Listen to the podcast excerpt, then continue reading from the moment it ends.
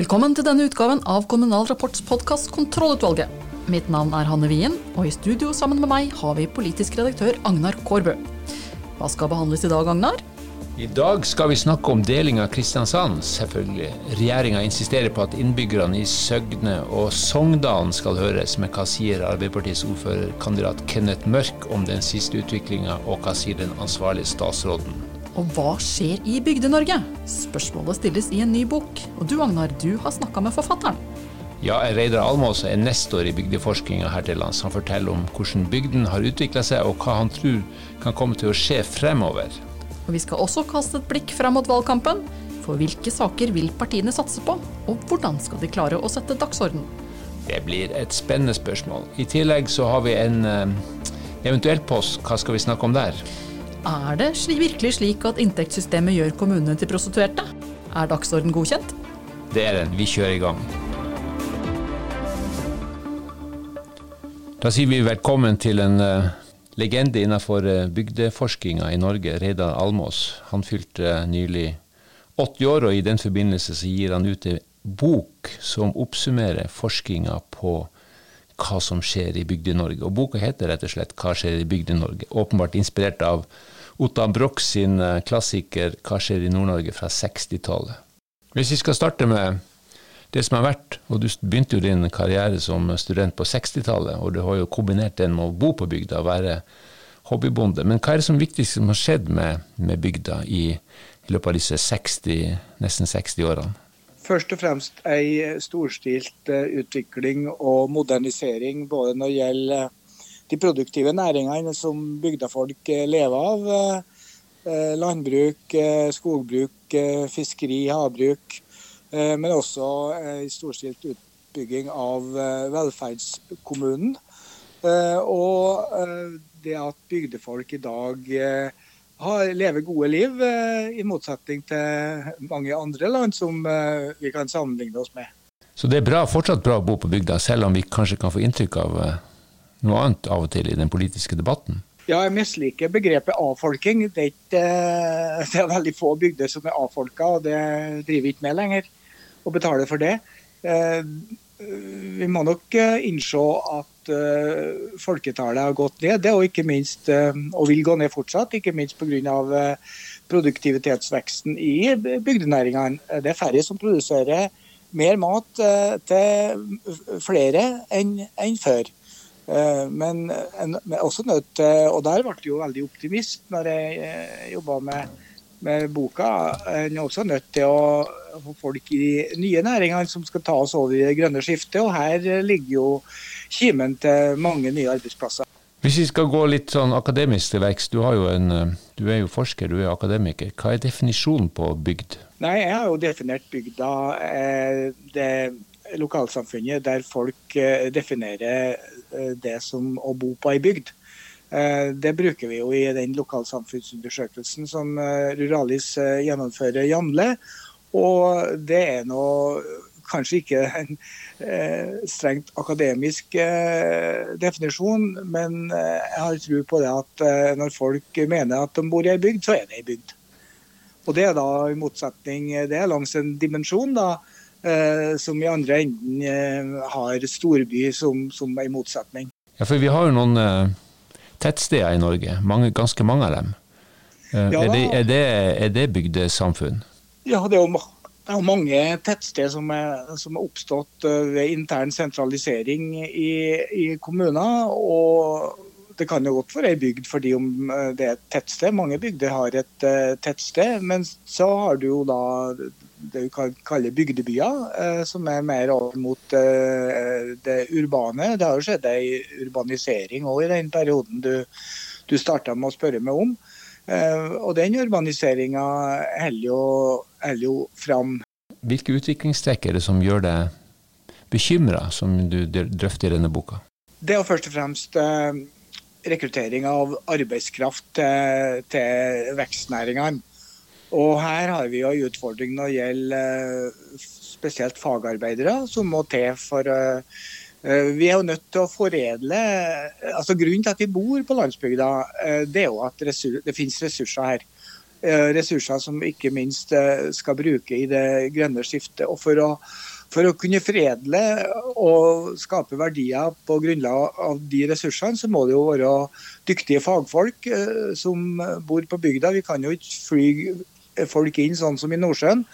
Eh, og da er vi nødt til å starte på bunnen med eh, å rekruttere til ja, jeg, jeg bruker uttrykket i, i, boka om de som uh, går i kjeledress, som uh, er vant med å skitne seg til på fingre og ta uh, tunge tak, og som kjører rundt, eller som kjører rundt i servicebil og og holder eh, i stand de nye teknologiene som vi alle er så avhengig av nå. Så det er en, en hær av fagfolk, inklusive fagfolka på alders- og sykehjemmene, eh, som, som må til for å utvikle bygda videre. Hva er det som skiller bygdepolitikk og distriktspolitikk? For vi snakker jo mest om distriktspolitikk i Norge. Ja, bygdepolitikken er jo mye videre. Vi har jo eh, i tillegg til distriktspolitikk, til landbrukspolitikk. Eh, vi, vi, har fiskeripolitikk, politikk på, på, havbruk, på skogbruk, på bergverk. Eh, vi har politikk i offentlig sektor. Offentlig sektor er jo veldig viktig for at vi skal ha moderne bygder slik vi har. Og vi har jo ikke hatt et velferdsnivå på landsbygda uten uh, utjamning og, uten uh, offentlige institusjoner. Uh, bygdefolk ble jo løfta inn i velferdsstaten på, på 60- og 70-tallet. og det skal vi jo fortsette å ha det sånn, fordi at det, det er en bunnplanke under det næringslivet som, som, er her, og som etter hvert også vil, vil komme. Er det en fare for at den moderne distriktspolitikken blir mer av en velferdsdiskusjon om velferdstjenester og offentlige arbeidsplasser på, i eh, distriktene enn eh, vekstkraftige næringer? Ja, Det må vi for all del unngå. At, eh, at vi skal drive distriktspolitikk og bygdepolitikk fordi at det er synd i bygdefolk. Altså Bygdefolk vil jo klare seg. De som ikke klarer seg på bygda, flytter til byen og finner seg gode liv der. Så det, det, er jo ikke for eh, bygdefolk vi skal ha liv i bygdene, men det er jo fordi at eh, for samfunnet som helhet. På hva slags måte bør lokalpolitikere engasjere seg i eh, bygdepolitikken? Ja, De bør gå inn i alt fra skolepolitikk, velferdspolitikk til næringsutvikling rundt de, de, nye næringene. For jeg har jo jeg har sagt det sånn at uh, det åpner seg et vindu nå uh, for ny vekst i bygda. Men man må ikke hive seg ut uh, av det vinduet før en ser hva som er på bakken. En kan tenke seg om og også kombinere det her nye veksten med med et forsvarlig miljøvern og ta, og, og ta hensyn til interessene på bygda. fordi at eh, Hvis vi overkjører interesser, så kan det bli tilbakeslag, eh, og det st vil stoppe utviklinga.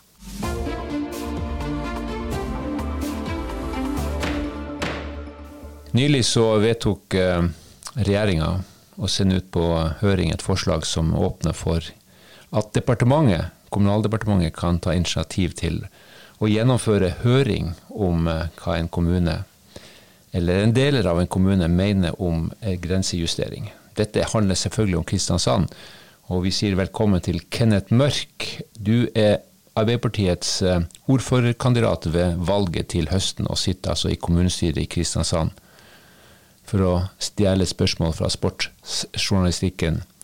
Hva følte du da forslaget kom på fredag? Det føltes, eh, det føltes, eh, litt uvirkelig. For eh, her opplevde vi at de endra spillereglene underveis. Og det har vært egentlig ganske dramatisk for oss som har jobba mye med den saken og gjort de vedtakene vi mente vi, vi skulle gjøre. Nei, Vi tenker at regjeringa burde ha akseptert de vedtakene som de har gjort, og lytta til lokaldemokratiet i Kristiansand, som tross alt består av 71 representanter både fra Kristiansand, Søgne og Sogndal. Nå sendes forslaget ut på høring i hele Kommune-Norge. Hva regner du med at den høringsprosessen vil eh, kunne vise? Jeg håper jo at, eh, at eh, folk reiser seg litt ute i Kommune-Norge, men også at bl.a. KS og andre er aktive og forteller hva de mener om dette. For det, det, handler om hva slags lokaldemokrati vi ønsker å ha framover, og hvordan vi skal tolke vår egen kompetanse til å gjøre egne, egne vedtak i de enkelte kommunestyrene. Du, hvordan tror du at denne saken her kommer til å prege den lokale valgkampen? Altså, I den grad han kommer til å prege valgkampen, så tror jeg, så tror jeg det nok er kanskje Senterpartiet og også disse protestpartiene som, som kommer til å kappe som eh, mange av de samme stemmene. Men, men for oss eh, skal si, litt større partier og, eh, og, sånn, så tenker jeg at det handler om å vise innbyggerne hva, hva vi vil. og eh, hvordan vi faktisk har tenkt å bygge videre på den store, fine kommunen som vi faktisk har. Hva er budskapet du har lyst til å sende partifellene i egen regjering etter dette? Budskapet uh, veldig kort må jo være at uh, vi syns dette var uklokt, og at uh, vi håper at når det først har blitt sånn som det har blitt, at dette ikke må gjenta seg ved senere anledninger. At vi trekker grenser her, og at dette ikke må skje igjen. Denne saken, konkrete lovforslaget, skal jo til Stortinget for endelig behandling. Der har ikke regjeringa flertall. Har du noen forhåpninger om at det skal komme noen endringer der? Ja, Det vi håper på, er jo at, eh, at uh, også Frp, som vi, vi, har forstått er litt av nøkkelen til dette, her, ser viktigheten av å kunne bestemme selv i egen kommune uh, og påvirke prosessene om hvordan kommunen skal se ut lokalt. Og at dette kanskje er en litt mer dramatisk og mer uheldig forslag til endring av lovverket enn enn det kanskje kan virke ved første øyekast. Så vi, vi setter vår lit til at uh, stortingsflertallet lander ned på at dette er en dårlig idé, og så går vi videre derfra. Hva mener kommunal- og distriktsminister Sigbjørn Gjelsvik om forslaget? Her eh, gir han oss bakgrunnen for hva som er sendt ut. Det er jo, det er to element i, i den debatten her. Det ene er jo det som regjeringa nå har sendt på høring, som jo er et generelt eh, lovforslag eh, knytta til hva slags, eh, hva slags regler som skal gjelde i en situasjon der en har satt i gang en utredningsprosess av mulig, mulig deling. Og da mener vi, altså basert på den debatten som har, har vært, der det har vært både blant politikere men òg jurister. Eh, u, eh, uklarhet og dels uenighet om eh, regjeringa kan, kan, høre innbyggerne i en kommune, så mener vi at det er ryddig og klokt å, å fremme et lovforslag som, som slår det tydelig fast. Er du overraska over reaksjonene på forslaget? Jeg tenker jo at Noe av reaksjonene handler selvsagt om hvordan en, en ser på eh, liksom, situasjonen i, i Kristiansand, og, og hvorvidt en, en ønsker en, eh, det ene eller, eller andre. Men, men, jeg er opptatt av at uh, det forslaget som vi nå har fremma, er et, uh, et generelt, generelt, forslag som jeg, jeg håper òg at vi kan, kan få en, en god både, både, gode tilbakemeldinger på i høringsrunder, men òg og i debatten i, i Stortinget. Eh, og, og, det handler jo om at i en situasjon der, eh, der en fra regjeringas side setter i gang en, en, utredningsprosess, noe som en jo er tydelig nedfelt i, i lova at en, eh, en kan gjøre. Eh, og det er òg eh, regjeringa som har et et ansvar for å utrede saker på en god måte eh, når en skal legge det fram for eh, Stortinget. Og da mener jo vi at det, det er klokt at en som en eh, del av den prosessen har mulighet til å høre de innbyggerne som bor i det aktuelle området som det er snakk om. Altså om, om Søgne da, igjen skal bli egen kommune etter å ha blitt tvangssammenslått inn i Kristiansand, og tilsvarende for Sogndalen. også. bør en, bør en lytte til det som, eh, som er eh, holdningene eh, der. Regner du med å få flertall på Stortinget for dette forslaget? Ja, altså Vi legger jo fram det her for at vi mener at det er viktig i en eh, slik utredningsprosess å høre innbyggerne. Eh, og vi håper jo selvsagt at eh, Stortinget vil, vil slutte seg til det.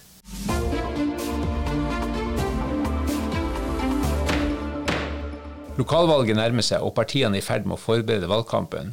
Og det er mange velgere som bestemmer seg i siste liten. Hanne, du og kollega Berit Almenningen har spurt hvilke saker partiene vil satse på. Hva fant dere?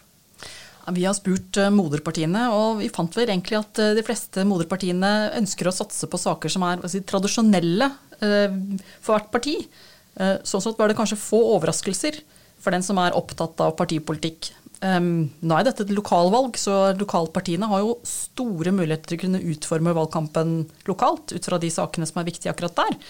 Men hvis uh, moderpartiene får bestemme, så blir det nok mye eldreomsorg og, og miljø og oppvekstvilkår fram mot uh, valget til høsten. Men du Agnar, du har jo skrevet en kommentar om uh, kampen om dagsorden. Hva tenker du skal til for å vinne den? Partiet må sørge for at de får de sakene hvor de har høyest troverdighet Eh, til å bli de mest eh, diskuterte. Så er, Vi har jo et eksempel fra en, for en stortingsvalgkamp for noen år siden hvor eh, Fremskrittspartiet lyktes med å satt, få satt innvandring på dagsordenen. Og sånn sett bidro til at Solberg-regjeringa ble gjenvalgt. fordi at på det saksfeltet så har det partiet høy troverdighet hos de velgerne som er opptatt av det. Så det vil utløse eh, Sørge for at mange velgere som er opptatt av det, går og stemmer. Og så må partiene også sørge for at uh, disse diskusjonene foregår på deres premisser så langt som mulig. Slik at uh, ulikhetsdebatter foregår. Hvis SV vil ha det opp på debatt, dagsorden, så må de uh, jobbe for det. Og så må de håpe at deres argumenter er de som får gjennomslag. Da. At det blir de, de som får satt rammene for debatten. Såkalt framing, som det heter i, i valgforskninga. og det er der eh, har jo selvfølgelig partiene sine strategier klare, og de har sine forhåpninger, men de kan aldri være helt sikre på. For det vi vet, at i alle valgkamper så dukker opp overraskelser. For fire år siden så var bompengespørsmålet og klimaspørsmålet to saker som dominerte lokalvalgkampen og førte til at velgerne bevegde seg. Og velgerne de eh, kan tenke sjøl, men de er også en uforutsigbar eh, masse. Så de er liksom en sånn sildestim. De kan bevege seg ganske kjapt i eh, flokk eh, herfra og derfra. Og det er det som gjør at eh, det blir viktig for partiene å stå på helt fram til valgdagen 11.9. Mange velgere bestemmer seg på tampen av valgkampen, og da er de siste ukene ganske så viktige. Men planene og planlegginga er allerede godt i gang, som denne reportasjen viser.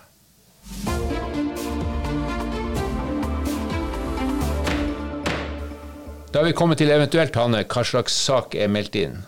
Nei, du, nå tenkte jeg vi skulle snakke litt om inntektssystemet igjen. Det er jo noe du er veldig opptatt av, Agnar. Jeg elsker inntektssystemet. Åh, ja, det veit jeg. Du, eh, I dag tenkte jeg vi skulle først og fremst ta for oss av det at eh, ja, inntektssystemet det, det oppfordrer til prostitusjon.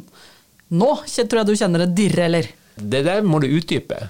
Det er rett og slett Porsanger-ordfører Aina Borch som irriterer seg over at nabokommunen Nordkapp har planer om å etablere masseoppdrett i og rundt Porsangerfjorden. Hun syns at inntektssystemet oppfordrer kommunene til å prostituere seg.